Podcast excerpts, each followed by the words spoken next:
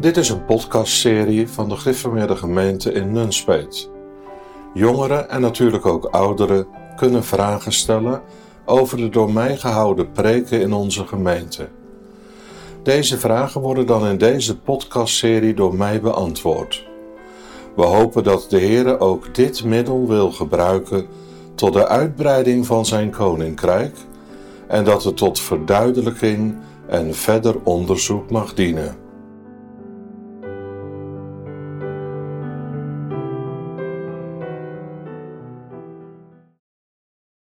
Ik heb de volgende vraag gekregen. U hebt gezegd dat alleen de Vader vrij spreekt en de advocaat, de Heer Jezus, niet.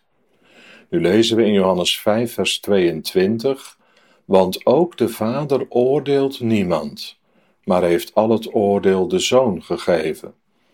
En vers 27, en heeft hem macht gegeven, ook gericht te houden. Hoe moeten we deze teksten zien in dit verband? Deze vraag gaat terug op de preek over de rechtvaardigmaking en over de preek over het eerste kruiswoord. De preek over het eerste kruiswoord liet duidelijk zien dat de Heer Jezus niet de zonden van zijn vijanden vergeeft. Hij vraagt zijn vader: Vader, vergeef het hun, want zij weten niet wat zij doen. In het stuk van de rechtvaardigmaking is God de Vader de rechter en is de Zoon de advocaat. En je kunt de advocaat niet de plaats van de rechter geven en de rechter niet de plaats geven van de advocaat. Zo gaat het niet in een rechtszitting, zo gaat het ook niet in het goddelijke recht. De goddelijke personen hebben daarin een eigen taak in de goddelijke huishouding. In de teksten die genoemd worden gaat het over het laatste oordeel. En inderdaad, in het laatste oordeel zal de Heer Jezus de rechter zijn. Dat is heel bijzonder voor Gods kinderen. Zij hoeven voor die dag niet bevreesd te zijn. Zij kennen deze rechter namelijk.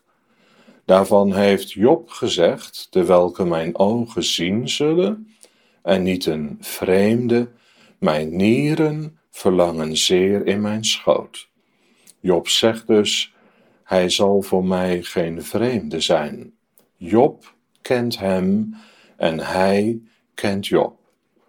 En de Heer Jezus Christus, die zal ook tegen mensen zeggen in die dag: Ik heb u nooit gekend. Ga weg van mij, gij werker der ongerechtigheid. Dus het laatste oordeel en het stuk van de rechtvaardigmaking, daarin is inderdaad onderscheid. Ik weet één voorbeeld tijdens de omwandeling van de Heer Jezus op deze aarde, dat Hij de troost geeft dat iemands zonden vergeven zijn, en dat is in de geschiedenis van de geraakte. Als zoon van God mag de Heer Jezus daar de troost geven aan die geraakte, dat hij de wens van zijn hart verkregen heeft. Maar ook daar staat niet dat het de Heer Jezus is die hem zijn zonden vergeeft.